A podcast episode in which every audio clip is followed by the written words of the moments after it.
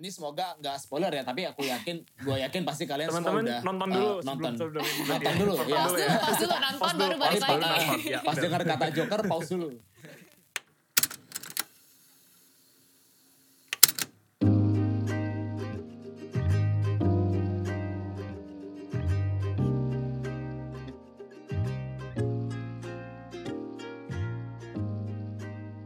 Hai Hai, guys, guys. Selamat datang kembali nih di podcast Hashtag Zona Aman bersama gue JP. Dan gue Cheryl. Di mana di sini kita akan sama-sama ngebahas seluruh gonjang-ganjing dari isu kesehatan mental nih share. Nah kita tuh udah bahas dari perspektif-perspektif menarik nih. Kemarin kita udah dari perspektif agama, perspektif family, perspektif teman. Sekarang yang lebih ringan gitu, yang lebih Yang lebih less santai. ber- ya bener yang lebih santai. Episode ini cocok nih sesuai title-nya buat teman-teman yang suka nonton film ya share yang mainstream gitu.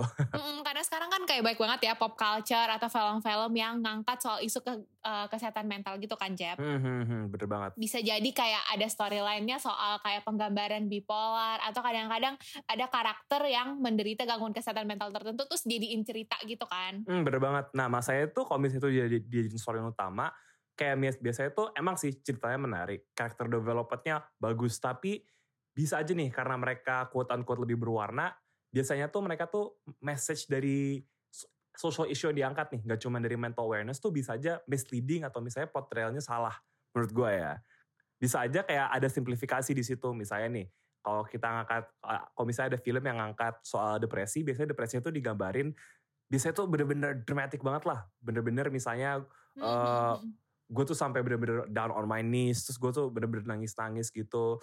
Eh, mungkin some parts of it bisa bener, cuman mungkin itu gak sebenarnya gak, seluruhnya bener kayak gitu. Karena kalau misalnya kita belajar dari episode-episode kemarin nih, buat teman-teman yang udah dengerin, sebenarnya itu gejalanya tuh lebih day to day. Kita masih ngejalanin gitu gak sih? Kayak lebih, Mm-mm, apa sih mm-mm. bahasanya lebih, lebih subtle ya kayak iya lebih subtle, bener lebih subtle. kelihatan Mm-mm. separah itu gitu. Mhm. Nah terus juga kayak kadang-kadang kan gak ada nih kayak sutradara atau penulis di akhir film yang jelasin kayak oh ini adegan ini maksudnya ini, ini filmnya pesannya ini. Aneh sih kalau nggak ada. kan.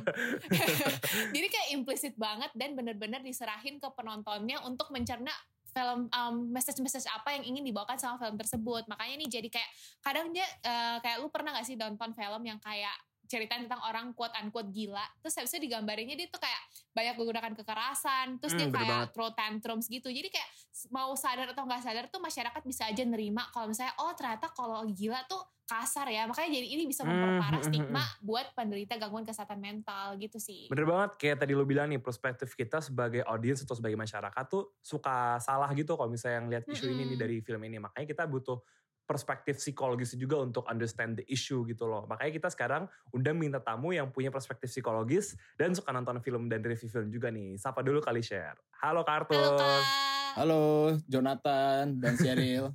Apa kabar Kartur? baik, baik, baik, baik. Luar biasa. Luar biasa mantap. Boleh perkenalan dulu nih Kartur buat teman-teman di rumah. Drama, umur, kesibukan. Film Oke. favorit boleh film favorit. Wah sekalian film favorit ya. Oke siap. Oke halo semuanya pendengar podcast Zona Aman ya betul ya. Iya, bener-bener. Oke. Yo, Iya. Kenalkan Yoi. Kenalkan nama gue Arthur. Eh gue sebenarnya lulusan dari psikologi UGM. Jadi gue angkatan 2015. Gue lulus dari eh, psikologi UGM itu tahun lalu 2019 bulan Agustus. Nah kalau kesibukan gue sekarang sih Em, gua gua sebenarnya baru resign dari pekerjaan gua di eh, akhir bulan akhir bulan Juli kemarin dan sekarang ya masih mencari sebenarnya masih mencari dan eh, sambil mencari ini gue emang karena emang suka bikin konten film di Instagram ya jadi gue sambil Hmm. kayak emang suka sharing aja tentang eh, perfilman di Instagram gue kayak gitu. Nah tadi nanya film favorit ya?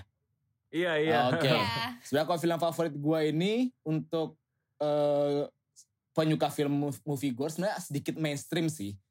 Tapi ini memang film yang selalu gue tonton tuh nggak pernah bosan sama, sama sekali. Itu tuh judulnya, eh, kalau kalian tahu, The Lord of the Rings. Trilogi. Hmm. oh Iya sih, iya, iya. Nah, iya. itu itu film, film yang panjang favorit banget gua. itu kan. Panjang banget bro. Bisa seharian tuh Yes, yes. penonton itu.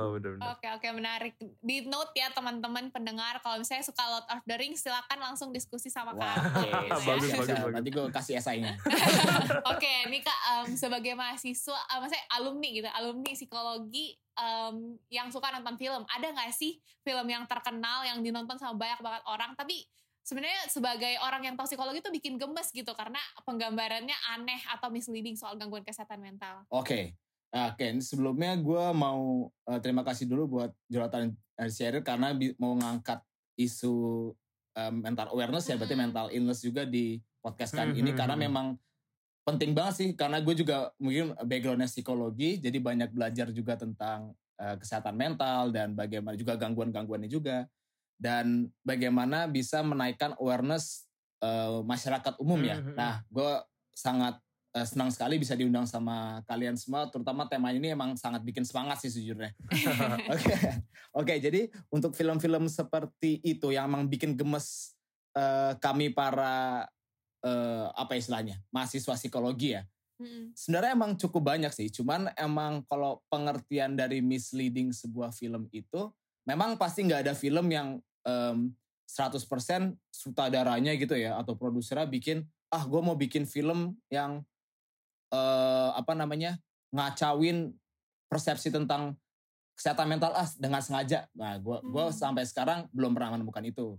Nah, yang ada menurut gue definisi untuk misleading ini adalah yang memang bikin gemes itu sebenarnya kontroversial, film-film yang kontroversial. Hmm, oke Nah, oke. Hmm. Nah, untuk film-film kontroversial ini sebenarnya banyak. Nah, cuman yang pingin gue diskusiin untuk eh, kita di hari ini itu sebenarnya kalau boleh ambil yang agak mainstream, ini film tahun lalu sih sebenarnya. Kalau eh, JP dan Sheryl tahu pasti, oh dengar ini pasti tahu banget eh, Joker. Nonton sih, Hmm, kok Oke gila. oke nonton. Hmm, hmm. Nonton pasti ya, Joker ya. Nah, iya film Joker ini menurut gue ini memang cukup eh, kontroversial ya. Karena dia, eh, yang kita tahu kan Joker ini kan sebenarnya adalah villain dari Batman ya. Hmm, hmm. selama, selam- sebelum film Joker eh, tahun lalu ini kan selalu digambarin nggak pernah ada film solo Joker live action yang pasti selalu ada eh, film Batman nanti kemudian ada Jokernya dan Hmm, kebanyakan benar-benar. tidak membahas ya benar ya tidak kemungkinan tidak juga tidak membahas tentang eh, kesehatan mental atau gangguan mental dari Jokernya tapi lebih ke eh, action ya pasti kan Hmm. film superhero mau gimana lagi film superhero kalau nggak ada eh, tonjok sana sini bak big book sana sini ya nggak seru gitu kan Bener bener bener. Hmm. Nah, dan yang gue suka dari film eh, Joker tahun lalu ini, selama ini kan kita tahu Joker cuma sebagai penjahat Batman. Nah, tapi di film tahun lalu ini, oh kok kita belum pernah tahu nih gimana terjadinya eh, munculnya si Joker ini. Karena selama ini dia udah tiba-tiba di film lain tuh udah, oh udah jadi Joker aja. Nggak pernah kita Hmm. lihat dari, How Dari did he became manusia. Joker gitu Ah. ya berarti ya? ya how, di, how he became Joker gitu Hmm. kan. nggak pernah kita eh, tahu itu sama sekali. Nah di film ini terjawab terjawab gitu kan karena kita dikasih eh, lihat dikasih penjelasan mengenai kondisi psikis dia, kondisi mental dia dan bagaimana eh, society mem, eh, treats him, memper- mem- memperlakukan dia. Nah kurang lebih seperti itu. Hmm, kalau gitu apa kak yang problematik dari penggambaran Joker itu? Nah, untuk yang problematiknya itu, nah di sini kan kalau kalian eh, udah nonton Joker, kan pasti inget gak sih ada adegan yang eh, ini semoga nggak spoiler ya, tapi aku yakin, gue yakin pasti kalian semua Teman-teman udah nonton eh, dulu nonton. sebelum sebelum Nonton ya. dulu, Nonton ya. Pause dulu, pause dulu, nonton baru dulu, balik lagi. nonton. Pas dengar kata Joker, pause dulu. ya, jadi kan di filmnya Joker ini sebenarnya ada ada di trailer juga sih, jadi nggak spoiler. Hmm, oke, Eh, oke. dia ada punya kondisi yang eh, tertawa terus. Jadi dia Hmm. tertawa dan nggak bisa berhenti sama sekali. Kadang tertawa, kadang bisa nangis. Nah, ini sebenarnya kalau gue baca dan ternyata memang ini adalah kondisi eh, gangguan mental yang beneran, gak dibuat-buat oleh sutradaranya ataupun eh, tim filmnya. Jadi namanya kalau nggak salah tuh uh, Seyduber Effect kalau nggak salah. Nah, Hmm. Ini adalah kondisi-kondisi mental Joker di sana juga di filmnya juga Joker tuh kalau boleh kalau gue boleh cerita tuh dia ada eh, mengidap eh, delusi juga bahkan schizophrenia lalu juga low self esteem jadi dia eh, tidak percaya diri. Nah semua ini eh, karena dia waktu kecil itu dia pernah di abuse oleh eh, orang tuanya. Jadi kalau nggak salah Hmm, jadi ada trauma masa kecil ya. ya ada trauma masa kecilnya. Hmm. Jadi ada head trauma jadi kepalanya terbentur karena abuse itu sehingga eh, mungkin karena kepalanya terbentur sehingga muncullah segala eh, tadi penyakit pseudober efek yang ketawa nangis itu kemudian juga eh, eh, penyakit mental illness dia yang lainnya. Dan yang paling parah sebenarnya kalau kita nonton Joker itu yang gue nonton di sini kan emang bagaimana si nama karakter Joker ini kan di filmnya tuh Arthur Fleck ya kalau gue bahas itu namanya Arthur Fleck Hmm. Nah si Arthur ini, oh, nama gue ya. Jadi kalau si, jadi kalau si Arthur ini memang diceritain di film itu kan dia dapat perlakuan dari eh, masyarakat itu emang parah banget karena kan dia kerja sebagai seorang eh, apa namanya badut pesta lah, badut pesta dan jadi kan maksudnya itu juga mengambil latar tahun eh, 80-an. Nah gue research ter, eh, terkait terkait film ini tahun 80-an itu memang salah satu tahun yang memang eh, itu kan di eh, di Amerika ya. Nah kondisi di mana tahun segitu tuh segala eh, semua penduduk, semua manusia di situ tuh kayak eh, bodo amat. Maksudnya bodo amat adalah Hmm. kayak tidak taat peraturan. Jadi kalau di filmnya tuh orang nggak pernah pakai seat belt, orang bisa ngerokok di mana-mana, termasuk di rumah sakit. Terus juga eh, dalam hal untuk melindungi diri mereka sendiri, mereka mereka bisa membawa eh, pistol atau senjata tajam, bahkan memang yang eh, bisa membunuh orang gitu. Jadi kayak eh, keamanannya itu sangat tidak terjaga. Nah di sini yang terjadi oleh eh, kepada si Arthur, Arthur Fleck sehingga kenapa dia dia dianggap freak dia dianggap ketawanya itu mengganggu dia dianggap eh, kayak sorry sampah masyarakat gitu oleh eh, masyarakat masyarakat di Gotham ya kan kota Gotham Hmm. dan sehingga itu juga yang membentuk dia eh, akhirnya berubah di akhir film menjadi Joker yang kita kenal kayak gitu nah untuk eh, bikin gemesnya dan misleadingnya itu kontroversial di mana sih nah itu sebenarnya lebih ke eh, perlakuan-perlakuan yang yang diberikan oleh eh, masyarakat-masyarakat terhadap si Arthurnya. Kayak mereka nggak sama, mereka pasti di saat itu juga belum paham banget kayak kalau misalkan kan ada banyak adegan Joker dipukul, Joker dikatain, pokoknya kata-kata kasar itu ya. Hmm. Dan ya mungkin bagi orang-orang yang di bagi tokoh-tokoh di film itu kata-kata di film itu pas mereka ngomong, oh lucu nih. Emang freak kok dia emang eh, dandannya kayak badut, badannya kurus banget, tiba-tiba suka ketawa dan nangis sendiri. Ya kita juga sebagai eh, orang yang kalau misalnya melihat eh, orang lain kayak gitu kan pasti juga ada pikiran yang kayak oh, ini orang kenapa ya gitu kan. Tanpa tanpa menjudge orang itu eh, lebih dalam. Nah, sementara kan kalau di film Joker ini si Jo- si Arthur udah langsung dijudge freak dan sebagaimana kan. Nah sehingga itu menurut gue yang eh, agak sedikit, ag, bukan agak bukan sedikit ya, tapi sangat eh, bikin gemes dan kontroversial karena itu dapat menyebabkan perubahan em, yang dapat mempengaruhi perubahan mental di dalam diri Arthurnya kayak gitu. Jadi lebih ke kayak reaksi masyarakat yang sangat gak peka gitu ya terhadap gangguan kesehatan Betul, mental salah Joker. satunya itu. Jadi eh, ya tanggapan masyarakat dan reaksi masyarakat terhadap si Joker. Oh, ah, tapi kak kayak waktu Joker baru keluar tuh langsung ngehits banget quotes kayak orang jahat adalah orang baik yang disakiti. Ingat gak sih? Wah, Iya kan kayak gitu kan iya, quotesnya. Iya. Nah itu ada hubungannya gak sih kayak sisi psikologisnya tuh bener gak sih kayak pesan-pesan kayak gitu? Nah, menurut gua sih untuk tagline em, orang jahat adalah orang baik yang tersakiti itu eh, itu sebenarnya abu-abu menurut gua. Jadi kayak eh, mau bener mau bilang bener eh, juga enggak, tapi bilang salah juga enggak. Kenapa? Karena eh, ketika memang pasti kita semua pernah lah ya kayak eh, mendapatkan sebuah eh, tekanan, tekanan yang ini tekanannya bisa beda-beda, bisa kayak cacian, bisa eh, bully, bisa dibully atau misalkan hal apa pun yang memang itu mempengaruhi eh, pikiran kita terhadap diri kita sendiri gitu kan. Secara psikologis itu pasti akan berpengaruh banget. Misalkan gue dikatain ah tur lu jelek kulit lu hitam gitu kan. Ya gue udah lahir udah dari lahir kayak gini gitu kan. Nah maksud gue maksud yang mau gue sampaikan adalah em, itulah itu tergantung bagaimana kita menerima diri kita sendiri. Jadi eh, menerima diri kita sendiri dan mengenal diri kita sendiri terutama. Karena menurut gue si Arthur eh, Fleck Joker ini dia belum begitu bisa menerima dirinya sendiri sehingga dia mengambil eh, jalan lain ketika dia dicerca, ketika dia dihina dan diserang gitu, bertubi-tubi itu, dia meng- mengambil arah untuk berubah, ya itu melakukan tindakan kriminal. After all, ini kan juga tentang Joker kan, sebuah karakter fiksi, sebuah karakter fiksi dan yang notabene semua orang di dunia tahu Joker itu adalah penjahat, jadi nggak mungkin eh, juga kalau akhir eh, akhir ceritanya, oh Joker sembuh nih, gitu kan. Judul judul, judul filmnya Joker. Masa dia tiba-tiba eh, jadi sembuh gitu kan? Enggak Nggak jadi filmnya nanti. enggak jadi Gak filmnya ada Batman. iya itu dia. Nah kurang lebih kayak gitu. Tapi jadi intinya kalau misalnya em, kalau misalnya kita mau jelasin Joker itu tuh kayak self defense mechanism gak sih? Artinya dia kayak coping mekanismenya karena dia nggak nggak bisa em, handle semua pressure atau kayak caci makian yang ada di sekitar dia makanya dia kayak gitu ya kak. betul karena kan juga dia di sebenarnya kan turning pointnya dia si Arthur ini berubah jadi Joker kan pas em, dia mengetahui bahwa dia bukan anak kandung dari ibunya Mhm. Nah, dia bukan anak kandung dari ibunya dan ya istilah- istilahnya ibu dia kan sayang banget sama ibunya.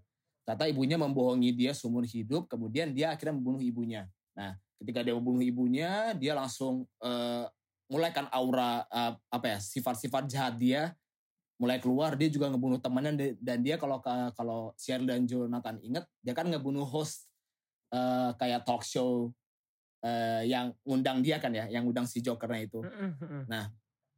ya itu dia belum bisa menghandle kayak em, bagaimana tekanan-tekanan yang diberikan oleh lingkungannya. Karena kan juga kalau kalian ingat di buku hariannya Joker, dia kan nulis kalau nggak salah eh, dia nulis the worst part of having mental illness is is people expect you to behave as if you don't Mhm. gitu Hmm. ya kan itu itu menurut gue sangat ngena banget sih itu menurut gue adalah kalimat yang sangat menggambarkan orang yang mungkin depresi ya karena mereka tidak mereka tidak bisa menemukan kayak jalan keluar nih dari penyakit atau kondisi kondisi mental yang mereka alami. Jadi kayak misalkan nih orang sakit misalnya nih orang depresi atau bipolar tapi lingkungannya mengharapkan enggak kok lu nggak apa-apa itu mah cuma masa itu mah masalah apaan bipolar lu pasti bisa ngelakuinnya kok ah cemen lu atau apa. Nah intinya kan orang lingkungannya kan eh, expect dia untuk behave kalau dia tuh nggak punya penyakit mental nah itu menurut gue yang ngena banget sih di film Hmm, ini Jadi ada penggambaran yang berguna lah ya seenggaknya ya kayak betul untuk nyadarin. ya ada gambar yang berguna dan padahal is okay uh, not to be okay kan kalau Hmm. misalkan psikologi kayak gitu Ah, eh, kenapa sih Arthur kira-kira film terkenal Joker tuh masih bisa kayak salah gitu loh kayak dalam menggambarkan kayak gangguan kesehatan mental gitu. Padahal kan mereka tuh maksudnya eh, si sutradaranya tuh gue lupa namanya siapa. Eh, sutradaranya tuh pasti waktu pertama-tama bikin film itu tahu gitu. Mhm. Maksudnya satu ini tuh film DC dan maksudnya film DC tuh banyak banget fansnya. Betul. Berarti dia akan menjangkau kayak banyak banget orang gitu. Yang kedua berarti kalau misalnya dia menjangkau banyak-banyak orang berarti harusnya gambaran yang dia kasih tuh harusnya tepat gak sih? Kayak maksudnya dia ngebawa isu ini juga gitu. Berarti kan harusnya gambaran yang dia kasih tuh tepat kayak itu gimana tuh Oke. Pak kira-kira? Iya jadi saudaranya kan namanya Todd Phillips ya nah si Todd Phillips ini Oke oke. Iya, oke, Phillips.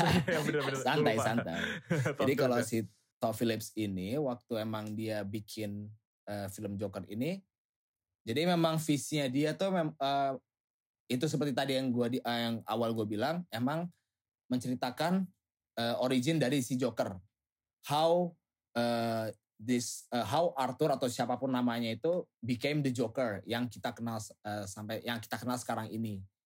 Nah, eh, dan pendekatan yang diberikan oleh si Todd Phillips ini memang lebih ke eh, film psikologis. Jadi memang tadi tentang gangguan mental, juga eh, apa namanya perlakuan-perlakuan dari masyarakat yang mempengaruhi psikis. Nah itu memang sesimpel itu pendekatan yang diberikan oleh Todd Phillips. Dan memang hasilnya ketika film ini udah dirilis di studio memang kontroversial.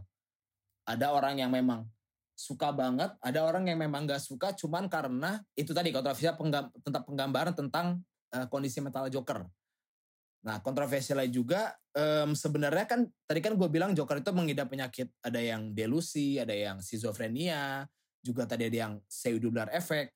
Nah kalau misalkan yang gue baca tidak mungkin kayak semua penyakit itu ada da- ada di dalam eh, satu individu dalam waktu yang bersamaan gitu.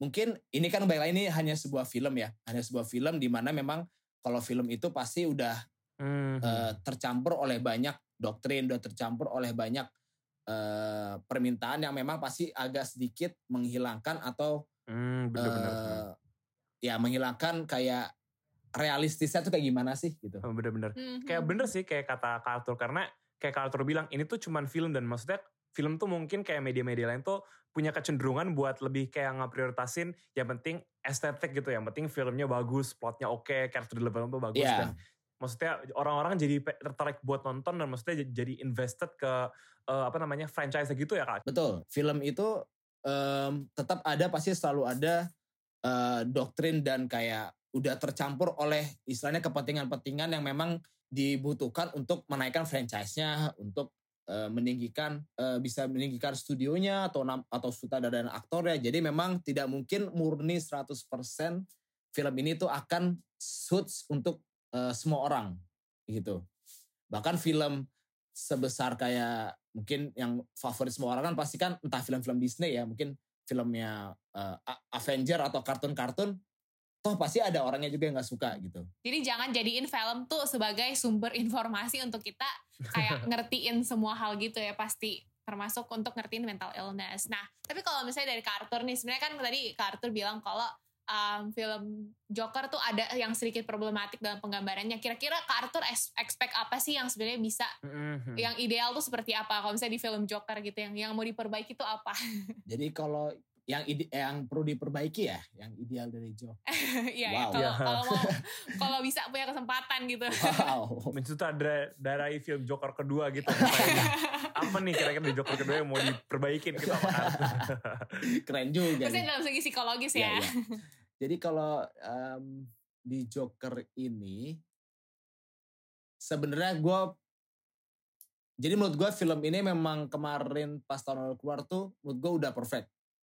Jadi kayak apa yang gue harap, apa yang gue ekspektasikan, apa yang gue harapkan dari eh, Joker Todd Phillips ini itu sebenarnya sudah sesuai. Tapi kalau misalkan memang eh, ditanya apa yang mau diganti gitu ya, sebenarnya gue pingin lagi tuh ten- eh, lebih ngebahas eh, lebih dalam tentang kondisi eh, mental si Joker ini. Jadi kan dia emang mau cuma Hmm. dikenali, di cuman di apa namanya dikenalin, oh dia sakit eh tuh tadi eh, eh, penyakit penyakit mental, mental yang gue sebutin tadi, yang ketawa dan nangis, kemudian delusi dan schizophrenia dan memang ada plot twistnya gitu. Memang ada plot twistnya terkait eh, kondisi mental dia, tapi memang agak akan lebih nendang lagi, akan lebih greget lagi kalau ada adegan-adegan yang memang bisa membicarakan tentang kondisi mental Joker, eh, masa lalunya itu gimana waktu dia kecil ya. Sebenarnya gue lebih eh, pingin Hmm. waktu dia masa kecilnya tuh gimana. Karena kan pas di filmnya itu kan eh, si Arthur dan Joker ini kan sudah dewasa gitu kan. Mhm. Nah, padahal kan di filmnya juga dia dikasih tahu, oh trauma yang dia alami, trauma yang dia dapatkan itu adalah waktu dia kecil. Jadi biar audiens juga lebih paham gak sih kayak sebenarnya bigger picture-nya. Iya, ada Uh-uh. traumanya. Mungkin juga sama mungkin eh, pacing filmnya akan gua bikin sedikit lebih cepat. mantap Oke, oke, mantap mantap. Gue sem- semangat Waduh, waduh, nonton waduh. karya Amin. Arthur. Nanti ditunggu ya, ditunggu ya. Nah, next nih kita ngomongin tentang dampak kali ya. Kayak sebenarnya kan kayak Kak Arthur bilang kalau misalnya film tuh em, punya kepentingan-kepentingan, dia punya doktrin-doktrin tertentu. Nah, kira-kira apa sih Kak kira- eh, dampaknya buat masyarakat dalam memahami gangguan kesehatan mental gitu? Jadi memang untuk dampak bagi masyarakat untuk memahami kesehatan. Nah, itu baik lagi. Emang sebenarnya film Joker ini seharusnya sebuah film atau sebuah ini kan film kan sebenarnya adalah ka- karya seni ya. Nah, kita setuju ini adalah karya seni dan Mm-mm. seharusnya sebuah karya itu tidak hanya eh, bisa dinikmati oleh maker ya, oleh oleh pembuatnya sendiri, tapi juga bisa dinikmati oleh orang lain, gitu kan. Dan dengan kata lain, harusnya ini bisa mengedukasi. Dan menurut gua film Joker ini sebenarnya memang, memang cukup mengedukasi, terutama bagaimana kita bisa bersimpati. Nah, nggak tahu kalau Jonathan dan Cheryl, gue karena pas gua nonton, gue sangat bersimpati bahkan Hmm. berempati banget terhadap eh, si Joker, si Arthur ini. Hmm, setuju, setuju. Setuju kan? Nah, walaupun dalam eh, si- di sisi lain gue juga tidak mentoleransi perbuatan dia ketika dia membunuh orang Ya benar. Hmm. gitu. Betul ya? Jadi kayak ya itu memang mungkin memang itu dah eh, pesan yang atau dampak yang eh, di yang berhasil dibawakan oleh film ini kepada masyarakat di dunia atau mungkin bagi gue ya Hmm. Karena- gak banyak loh orang-orang sekarang ini yang yang mampu bersimpati berempati terhadap kondisi seseorang Hmm. Oh gitu. gitu Tapi kak kayak kan Kak Arthur bilang nih kayak sang- eh, orang-orang tuh jadi sangat simpati dan empati gitu kan. Dan gue sama Cheryl setuju tadi karena gue uh, personally gue juga fans dari DC dan gue gak pernah kayak ngelihat film Joker tuh yang Mhm. kayak gini. Gue jadi kayak bener-bener yang tadinya gue bener-bener benci sama Joker. Jadi tuh gue jadi ada empati gitu. Kayak ada empati nih kayak wah ternyata tuh kayak gini karena it just felt real gitu. Tapi dari feeling of real ini kayak ada gak sih kayak dampaknya yang ke negatifnya gitu ke masyarakat kayak tentang wah ternyata tuh kalau orang yang kayak Joker tuh kayak kena mental illness tuh kayak gini gitu ya. Ada gak sih kak kayak dampak ke situnya gitu? Oke, itu untuk jawaban itu untuk- pasti ada karena sejujurnya sejujurnya gue juga melihat dan mendengar dengan kepala eh, dengan mata telinga sendiri. Jadi waktu gue nonton Joker, gue nonton kalau nggak salah gue nonton filmnya tiga kali di bioskop gila. dan wow. Jadi itu antara antara antara demen atau gabut sih sebenarnya. ya jadi waktu gue nonton film kalau nggak salah yang pas gue nonton film ke eh, ketiga kayaknya ya jadi pas gue keluar dari eh, sinema itu eh ada orang jadi gue lagi jalan nih gue lagi gue waktu itu kebelet mau ke toilet kan Hmm. pas gue jalan ke toilet itu ada orang ngomong ih itu jangan sampai ya ada ada jadi kayak eh, seorang eh, ibu ngomong ke anaknya gitu Waduh. Padahal anaknya udah gede nih udah kayak kalau gue sih udah udah remaja lah setidaknya mungkin SMA kali ya. Ya itu kayak ibunya tuh ngomong eh ih itu jangan sampai kayak orang gila gitu ya amit-amit Hmm. eh intinya gitu pokoknya amit dia intinya meng, mengcurse si Joker itu kalau eh orang kayak gitu tuh orang gila, orang salah gitu kan. Padahal kalau kita tahu eh, filmnya, kalau kita berhasil memaknai filmnya, itu nggak sepenuhnya salah si Arthur dan eh, nggak penuhnya salah si salah si Arthur kan. Mhm. Nah, jadi itu gue dampak negatifnya pasti emang ada selalu terdampak kepada orang-orang yang mungkin tidak bisa melihat, eh, mungkin tidak bisa, mohon maaf, terbuka terhadap Mhm. makna sesungguhnya dari sebuah film itu. Oh, berarti Gitu. kan film Joker ini sangat-sangat multi interpretasi gitu ya kayak maksudnya orang-orang tuh bisa Iya. punya open interpretation ke film tersebut tapi message sesungguhnya kayak Kak Arthur bilang tuh bisa aja kayak gak nyampe gitu. Nah, kalau buat Ya, eh, film-film lain yang ngangkat soal film-film mental health, ada gak sih kayak saran atau rekomendasi film yang lebih tepat atau misalnya lebih bisa digampang dipahami gitu kayak message tentang gangguan kesehatan mentalnya gitu kayak menurut kakak gimana nih? oke. Jadi ini kebalik kayak kebalikannya gitu ya dari film kontroversial gitu ya.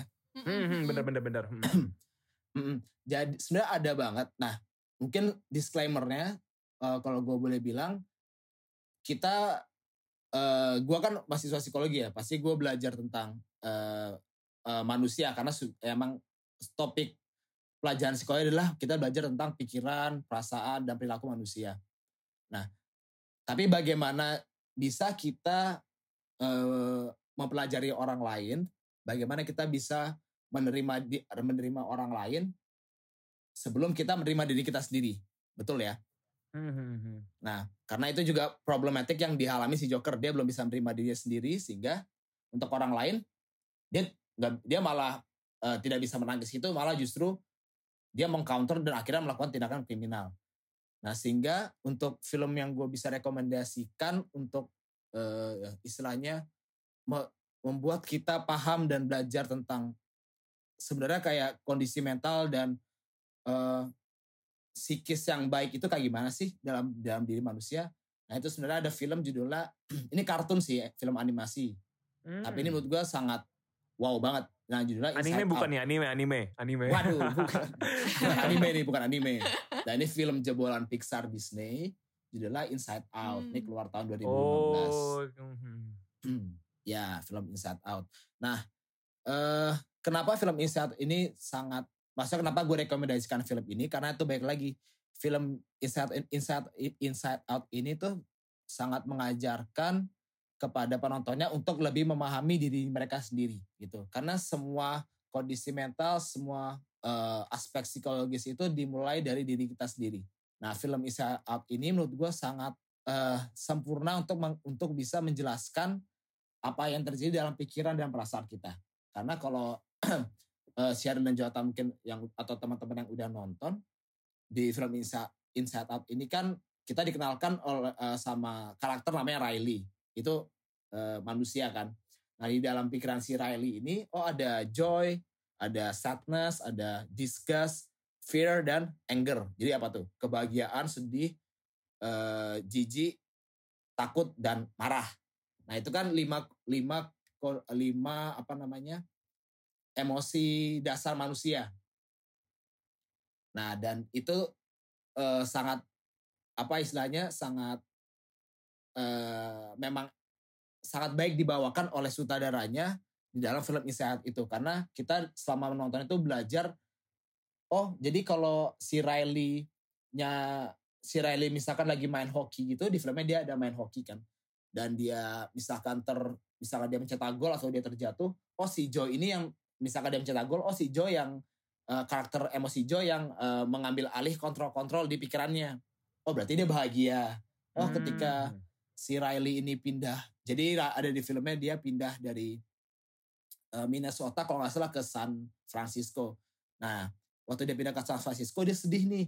Dia merasa kehilangan uh, teman-teman yang di uh, Minnesota sehingga saat itu yang ambil alih sadness di kontrolnya di pikiran dia. Karena itu menurut gue pinter banget sih animasi hmm. saat itu karena kan kalau kalian nonton di film di dalam pikiran Riley itu kayak uh, ada apa namanya controller gitu ya controller yang bisa digunakan oleh emosi-emosi lima emosi tadi jadi ibarat hmm. kayak si Riley itu uh, robot dan si emosi-emosi itu adalah kayak user si pengguna robot hmm. ini hmm, hmm, dia meng mengontrol si Riley ini kayak gitu Hmm, jadi tuh film ini tuh cocok karena uh, dikasih tahu secara eksplisit gitu ya emosi-emosinya apa dan dijelasin gitu ya. Maksudnya dikasih gambarannya gitu lewat animasi-animasi yang gak kalah kerennya gitu ya Kak berarti ya? Betul. Hmm, hmm, hmm. Tapi kan maksudnya gak semua film tuh akan se-eksplisit ini gitu loh. Maksudnya pasti film-film tuh pasti mau ada kontroversi aja dikit lah biar ngetren, biar maksudnya masuk box office lah gitu-gitu. Nah, -hmm. ada gak nih kalau pesan-pesan buat teman-teman di rumah supaya bisa lebih cermat gitu kalau misalnya ketemu sama film-film lagi yang multi interpretation ini dan ngangkat isu mental awareness atau social issue lain gimana caranya mereka bisa lebih cermat dalam menyerap kayak film-film uh, film-film tadi sebagai audience gitu supaya hmm. lebih kritis okay. gitu gimana tuh kira-kira nah ini baik lagi jadi kalau memang saran buat teman-teman kalau emang misalkan teman-teman nonton film yang um, cukup kontroversial dan itu sangat eh, misalkan itu membuat gejolak ya misalkan membuat gejolak di pikiran kita nah itu juga uh, baik lagi itu ada itu hanyalah sebuah film dan sebuah uh, dan layaknya sebuah film pasti dia memiliki doktrin tertentu dan memang tidak semua film itu bisa disukai oleh banyak orang begitu. Dan kalau memang teman-teman di sini uh, ingin mencoba kayak mempelajari sebuah film itu gimana jadi memang harus setidaknya habis nonton film misalkan itu memang mempengaruhi diri kalian coba kalian tenang dulu kayak oh memahami emosi emosi diri sendiri dulu. Oh nih apa yang gue rasakan itu gimana ya? Oh setelah gue nonton Joker ini yang gue rasakan gue marah gue sedih karena ternyata Joker relate dengan diri gue karena gue juga mengalami apa yang apa yang Joker rasa apa yang Joker alami. Nah itu baik lagi karena eh, yang gue bilang tadi mengenal diri sendiri kan.